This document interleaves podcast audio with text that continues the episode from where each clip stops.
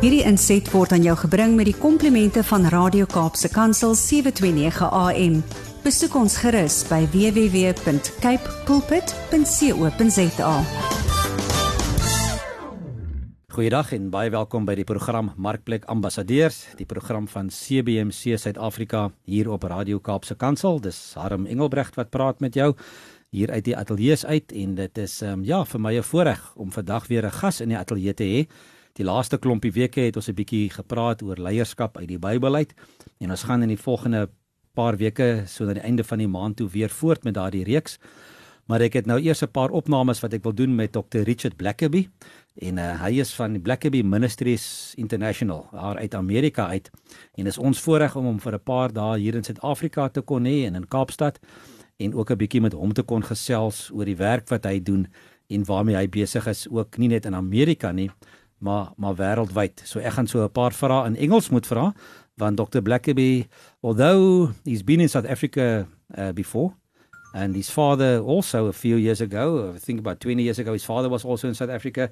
He uh, he said to me this morning he's not too familiar with all the Afrikaans words. So at this stage we will have to do some some of these things in English. Uh, is that right, Dr. Richard? That's right. I should know more than I Afrikaans than I do, but, but thank you, you, for but using. You, you do know goeiemôre. yeah, and, and buy a donkey. I can do that. yeah, you can buy the donkey. yeah. yeah, yeah, yeah.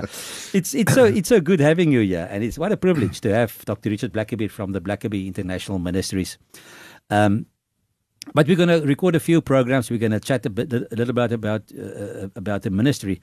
But where did it all start? Tell mm. us, tell the listeners, who is Richard Blackaby and where were you born? Where did you grow up? And how did you meet the Lord? Yeah, well, uh, my father, Henry Blackaby, is uh, uh, much more famous worldwide. And uh, he was, uh, my father, he was a pastor of a church in California in the United States. And I grew up going to church every Sunday. And then, uh, you know, even though you go to church every every Sunday, you can begin to assume that you must be a Christian because you're a good person, you always go to church. But even as a young boy, I just began to have this sense of uh, dis-ease that things were not, uh, even though I was the pastor's child, that uh, my heart was not right with God, and uh, and I remember just feeling a greater and greater sense of conviction week by week that um, I needed to make something right with God, and uh, and and it got to the point that I remember we had an altar call at the close of a service. And I just knew as a young boy that I had to just uh, pray and just tell God I was I, I, I wanted to repent of my sin and and uh, be born again. And and my father was the pastor, so I prayed with him at the front of the church. And and I just remember that that feeling of relief when I finally had settled things and I knew that everything was right between me and God. And it's a it's a wonderful feeling. All the, your listeners who have had that experience, you know what I'm talking about. How was it like growing up in a family and be Henry Blackaby's son? Did you ever feel some pressure from from that side? Oh yeah. Well, I was the oldest of five children, and when you're the oldest child of a of a minister, people always think, well, you're are you going to be like your father when you grow up? And uh, my father is the greatest man of God that I know, and so he he provided me a powerful uh, example of what it means to be a Christian, but but there were years where I just wasn't sure that I could be that strong of a Christian, and it, it intimidated me. And and uh, there were times where uh, I was maybe the only Christian in my entire class at school, and and I faced some persecution for being a Christian. I grew up in Canada, and there were not a lot of Christians there, um, and uh, and so I faced a lot of criticism, and and so there was a time in my life where I just I, I just I, I wasn't going to renounce being a Christian, but I, I just didn't want to have to be too serious about it. and uh, and then in my first year of university, uh, I had an experience that's that frightened me uh, very much, and it so frightened me that I realized I, I must get serious with God, and uh, and from that point on, God began to take me on a journey to show me uh, that it's always exciting to follow Jesus, and you might even be frightened by some of the things He asks you to do but that's still far better than not going with Jesus. It's it's more frightening for me to be out of God's will now than it is to be in God's will. Uh, you said during your first year at university you had this experience. So did you from the beginning study theology or where did it all No, I at first I was going to just be a teacher. I I tried to negotiate with God. Maybe some of your listeners have done that to say, "Well, God, I, I'm willing to do these three things for you, but not that. You, you could, don't ask me to do this. I'm not. I'm no good at that. I'm afraid to do that." And I was trying to follow Jesus on my terms, and and Jesus made it very clear that you don't do that. He, he, he sets the terms. You don't negotiate with God. You surrender to God. Um, and the rest of your siblings, your your brothers, are they also involved in, in ministry, also following Christ? Yeah, I have. There's five of us, and all five are pastors or missionaries. Uh, and uh, my my father, my father just felt like when, when God gave him five children, he he prayed and he said, uh, God, let me let my walk with you be so vibrant, so joyful, so victorious that my children, as they watch me walk with you, they will all say, if that is what it looks like to be a Christian, then I want to be one too. And so all five of his children, not only are they Christians, but they're all in full time ministry. And my father had has 14 grandchildren, and most of those are they're all Christians, and most of them are headed toward Christian ministry as well. My my all three of my children are in full time Christian ministry today. Wow, it must be a privilege to grow up in a house like that. Um, you don't see that in, in the U.S. Very common. No, you know I know a lot of people that are wonderful pastors and Christians, and yet many of their children reject their faith and so I never take that for granted. I, I know that that's a very special thing. And, and I would say my parents were not perfect parents. I certainly could point out lots of things they could have done better as parents. But I did know that they loved God with all their hearts and that, that following Jesus was the, the foremost priority in their life. And, and uh, that was enough to convince me ultimately that that ought to be the same in my life. You, as the oldest brother, did you did, did you feel that, that you also will have to set an example for your for your younger brothers, or were they believers before you? Uh, I, I usually was the first one, and uh, you know I don't know that I was trying to set an example, but but I, I was a leader. I, have always been a leader, and I um, and so I, for instance, I I was the first one in my family to to earn a PhD, and then all three of my younger brothers ended up earning doctorates as well, and I would choose to go to a particular school, and then all my siblings would end up going to that same school. And, and so my father has often said he's grateful that I was his firstborn child because I, I most of the time I set a good example, and then all of my younger siblings would follow right behind me. And is it the same with the oldest grandchild or not? Uh, yeah, my the oldest the oldest three grandchildren are my children, and because uh, I'm the oldest son, and uh, my oldest son is a pastor of a church today, and uh, he has a PhD as well. And uh, so his younger brother earned a PhD and uh, works for our ministry. The younger two children work for our ministry, and the older one is a pastor in Canada today. Wow, what a privilege to live in a family like that and to be involved like that. Now we're now we're working on my grandchildren uh, to be pastors one day. ah, you've already got grandchildren. Yeah, yeah. eight, and the yeah, the oldest one's only seven, but already he he likes to sit us down and preach to us. So there, there's maybe hope for him too. Richard, the one thing that I that I um, came across when I looked at one of the books with the Blackaby name in the on, on, on the cover page uh, because I, I, I, don't know if you counted how many books actually written by you and the rest of your family, but there was one specific Bible study book that I that I came across about Colossians, and um, and I saw about five Blackaby names in that in that yeah. book, if it wasn't six, that were all involved in compiling this book. Is that something that the family is doing, working together on on, on productions? You know, we do that now and then. Uh, all five of the you know my siblings and I, we have all written books with our father my father wrote with all fi- all five of his children, and uh, and so he he wanted to give he didn't necessarily want to pressure us to do that, but he wanted to give us an an opportunity to write if we chose to. And so several years ago, uh, my father and all four of his sons put uh, uh put together a study Bible. And so then out of that study Bible came a number of other Bible studies, and that, that would have been what you you saw. But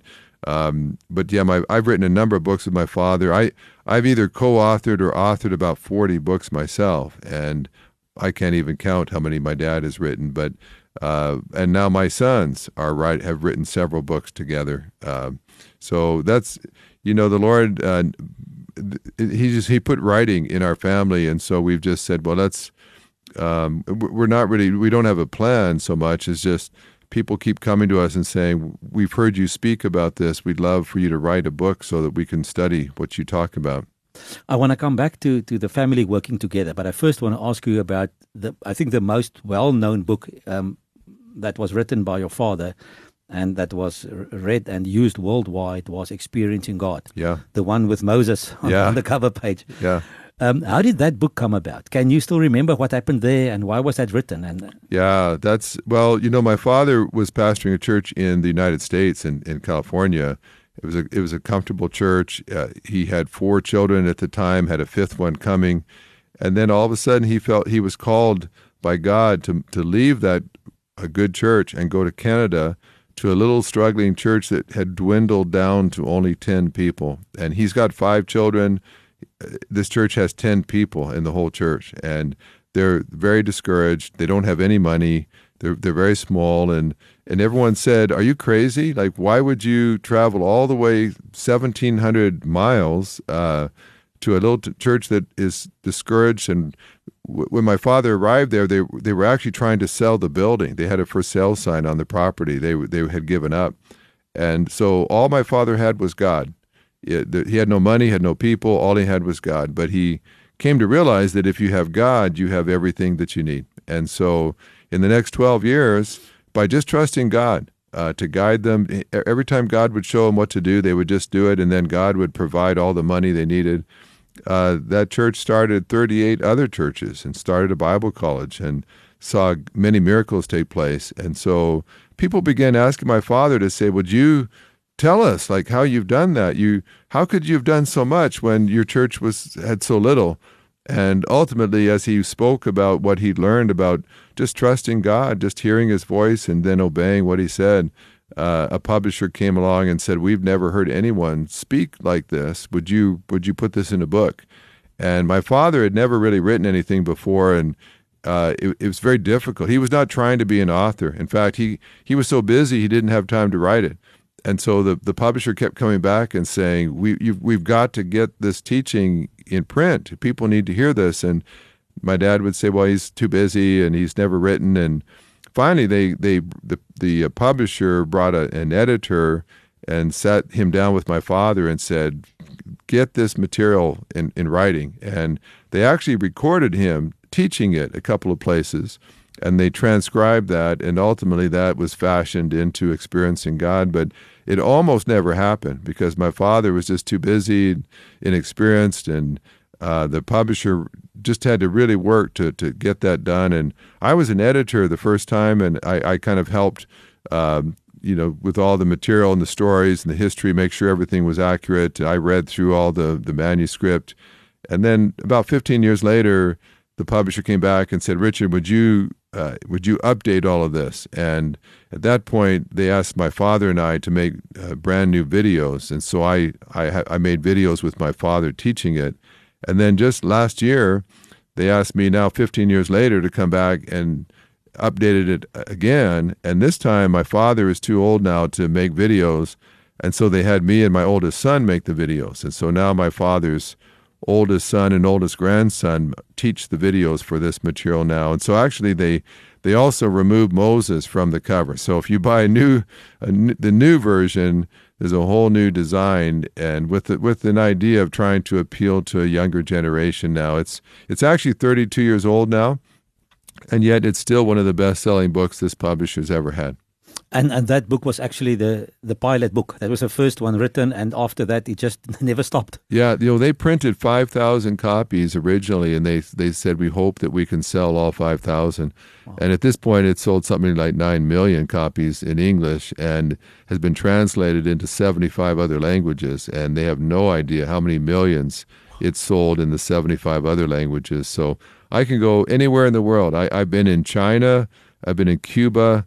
I've been in Muslim countries, and people come up and tell me that that study changed their life and helped them start churches and uh, just do all kinds of amazing things. Would you say that was the spark that actually started Blackaby International Ministries? Yeah, ultimately, my father at the time when he wrote that was working for the denomination, and Um, but when he wrote that book, my father was suddenly swept up into traveling around the world. He's he uh, he, he, was just an ordinary Canadian uh, pastoring a church and serving God faithfully. And uh, it, it, he was 55 years old when he wrote Experiencing God. And suddenly he was being invited into the White House, into the Pentagon, into the United Nations, around the world, meeting with world leaders, presidents. I've been with him uh, meeting various world leaders in their palaces and presidential mansions, and um, and so we ultimately formed Blackaby Ministries International just to allow my father a, a, vehicle to travel the world and teach. And then as he got older, uh, he brought me in to take over and lead that ministry, and so that's what I do now. And our our purpose, our mission, is just helping people to experience God. Richard, we've got like three minutes um, left of this program, and I want to come back to the to the family working together. Yeah, our our program's name is Marketplace Ambassadors. What what message do you have out there for families working together in business? Yeah, well, it's not easy to do that. Some families just can't do it. Uh, it takes wisdom. It takes the Holy Spirit. Uh, you have to be intentional about it. You you and and I found especially now because two of my children work for me in my ministry, and I have a son-in-law that does. I have a nephew that works for us. I have a sister that works for us, and to work with family, uh, there's a lot of challenges with that. You can abuse that. Uh, or you can and you can be unkind to your family members and they don't want to work with you anymore. But I took it as a great privilege uh, to be able to invest in family. I uh, earlier this year, I hired my nephew and I took him aside and I said, I believe God has a wonderful purpose for your life.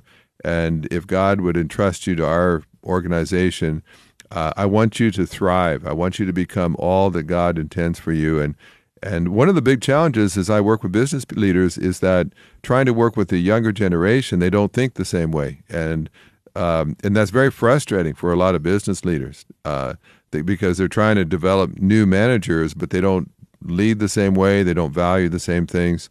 But I also find that the, the younger generation is very creative, uh, very insightful, and I've learned just to listen to them. And as I invest in them, I'm also learning a lot about how to lead our organization into the future. En so gesels Dr Richard Blackaby van Blackaby Ministries International hier op die program Markplek Ambassadeurs. Ehm um, ek sal graag met Dr Blackaby verder gesels en as jy wil luister na die volgende programme skakel gerus in ook oor die volgende 2 weke wat ons verder gesels oor Dr Richard Blackaby. Richard, it was such a privilege having you oh, uh, today. You. And uh, if if you would like to I would like to um please continue this conversation oh, next week. I look forward to it. Thank you. Totsiens tot volgende week. Hierdie inset was aan jou gebring met die komplimente van Radio Kaapse Kansel 729 AM. Besoek ons gerus by www.cape pulpit.co.za.